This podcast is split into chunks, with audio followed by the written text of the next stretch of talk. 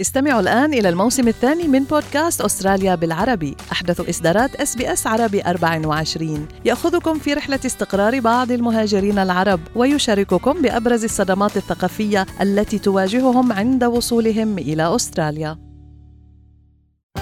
الأخبار من إس بي إس عربي 24 في هذه النشرة بدء حصر أضرار الفيضانات في أقصى شمال كوينزلاند.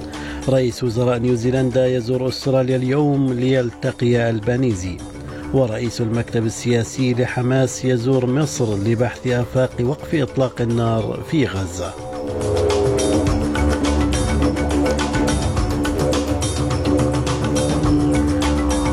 سليم الفهد يحييكم وليكم التفاصيل. بدأت السلطات بحصر الأضرار الناجمة عن الفيضانات في أقصى شمال كوينزلاند مع بدء انحسار المياه. ويقول الكثيرون إنها أسوأ فيضانات تشهدها المنطقة منذ ما يقارب من قرن من الزمان حيث أدت الأمطار الغزيرة وارتفاع مستوى المياه إلى عزل المجتمعات وتدمير مئات المنازل والمصالح التجارية. هذا ويدافع مكتب الأرصاد الجوية الآن عن الانتقادات الموجهة لنظام التحذير الخاص به حيث يقول البعض أنهم فوجئوا بالفيضانات التي جاءت في أعقاب إعصار جاسبر. ذات الموقف أكده وزير إدارة الطوارئ الفيدرالي ماري وات الذي دافع بدوره عن هيئة الأرصاد الجوية الوطنية. There are sometimes weather systems that, even with the best will in the world and the best possible science, can't be absolutely predicted down to the precise detail. Um, but the fact is uh, that I was certainly seeing warnings on the general media, on social media, from the Bureau of Meteorology for days leading up to this event that we were facing life threatening flash flooding. That was there for all people to see. تعرضت الحكومة الفيدرالية من جديد لانتقادات من المعارضة لعدم سعيها إلى إصدار أمر اعتقال مستمر من شأنه أن يبقي المدان بقضايا الإرهاب عبد الناصر بن بريكة خلف القضبان. فبعد عقدين من الزمان قضاها في السجن أطلق سراح بن بريكة الذي أدين بالتخطيط لتفجير ملعب الأم سي جي في ملبن في عام 2005 وجاء إطلاق سراحه أمس الثلاثاء بعد أن قضت القاضية إليزابيث هولينغورث في المحكمة العليا في فيكتوريا بأنه سيخضع لشروط صارمة. هذا وانتقدت نائبة زعيم المعارضة سوزان لي طريقة تعامل الحكومة مع الوضع. This is not good enough. It's not good enough that the Prime Minister cannot reassure Australians about their safety in the lead up to Christmas. We lock the terrorists up, Labor lets them out.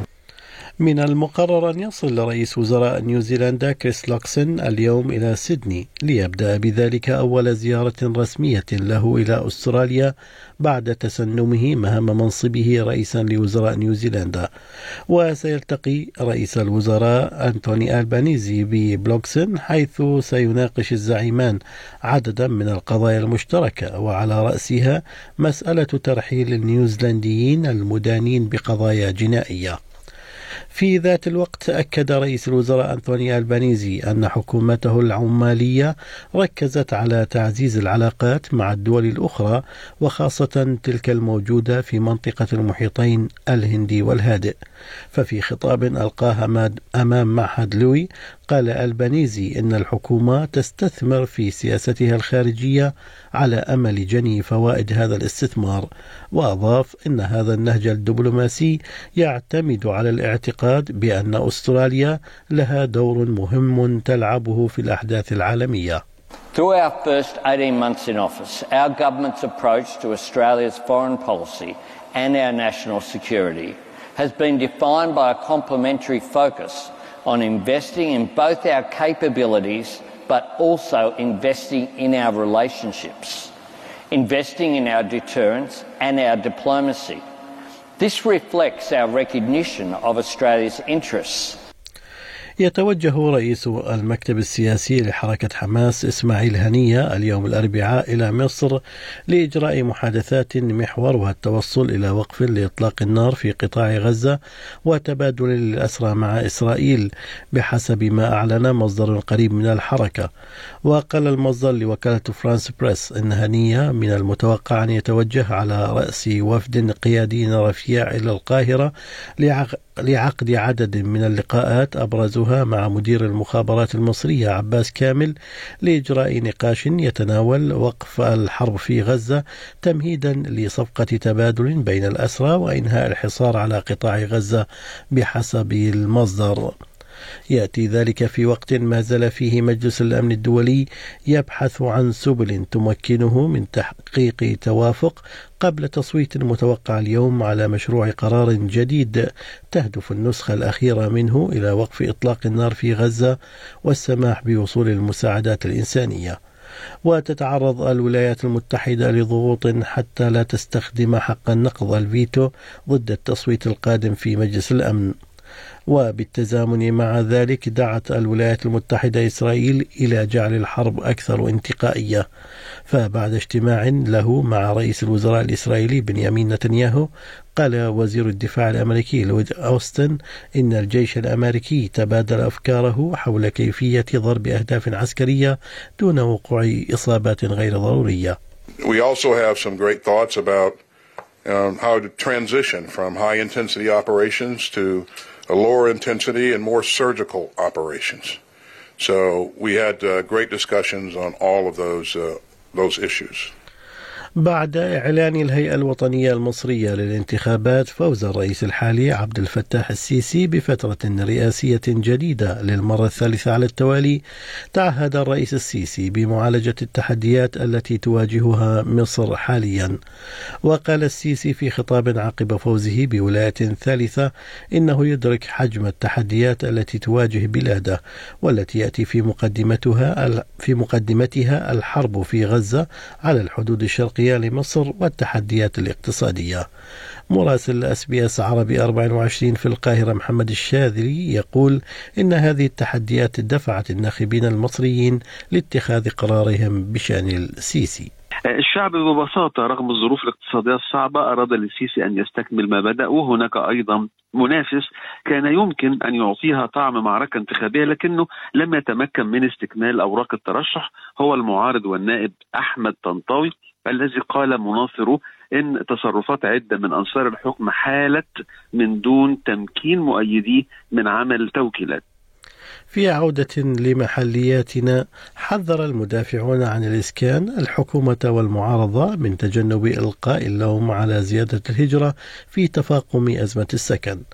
ووقعت أكثر من أربعين منظمة للإسكان والتشرد وخدمة المجتمع رسالة مفتوحة إلى أنتوني ألبانيزي وبيتر داتن لحثهم على تجنب استخدام مجتمع المهاجرين ككبش فداء لأزمة الإسكان. وأفادت البيانات الأخيرة الصادرة عن مكتب الإحصاء الفيدرالي أن البلاد استقبلت 518 ألف مهاجر في السنة المالية 2022-2023 وتعتقد المديرة التنفيذية لمنظمة ناشونال شلتر إيما جرين هولج إن تأثير المهاجرين على أزمة السكن قد قد تم تضخيمه من قبل السياسيين الذين يحاولون تجنب عدم معالجة سياسة الإسكان. We do think that it's been overstated. I think particularly when, you know, there were housing issues that occurred when the borders were closed, you know, during COVID. The main issue that we have is the fact that there is not enough housing and that was occurring during COVID. So, you know, I think what, what we're seeing is, yes, there is an increase in migration, but our housing problems, you know, are not caused by migration. You know, they're adding, they might be adding an element of complexity to it, but they are not the cause of it. في أخبار الرياضة وبالتحديد في لعبة الكريكت أنهى كابتن منتخب أستراليا بات كيمنز عاما هائلا بأن أصبح اللاعب الأعلى أجرا في تاريخ مزاد الدوري الهندي الممتاز.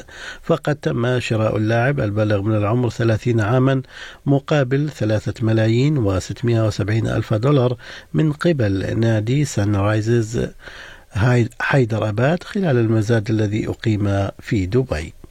في أسعار العملات بلغ سعر صرف الدولار الأسترالي 67 سنتا أمريكيا.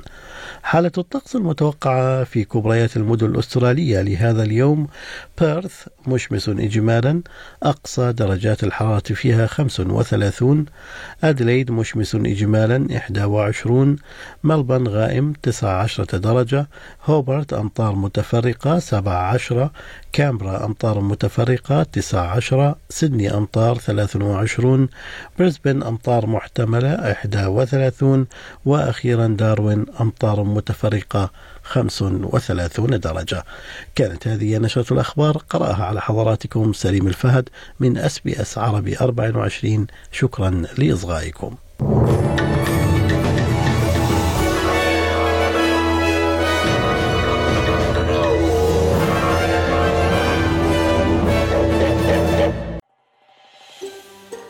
تريدون الاستماع إلى المزيد من هذه القصص؟ استمعوا من خلال Apple Podcast، Google Podcast، Spotify أو من أينما تحصلون على البودكاست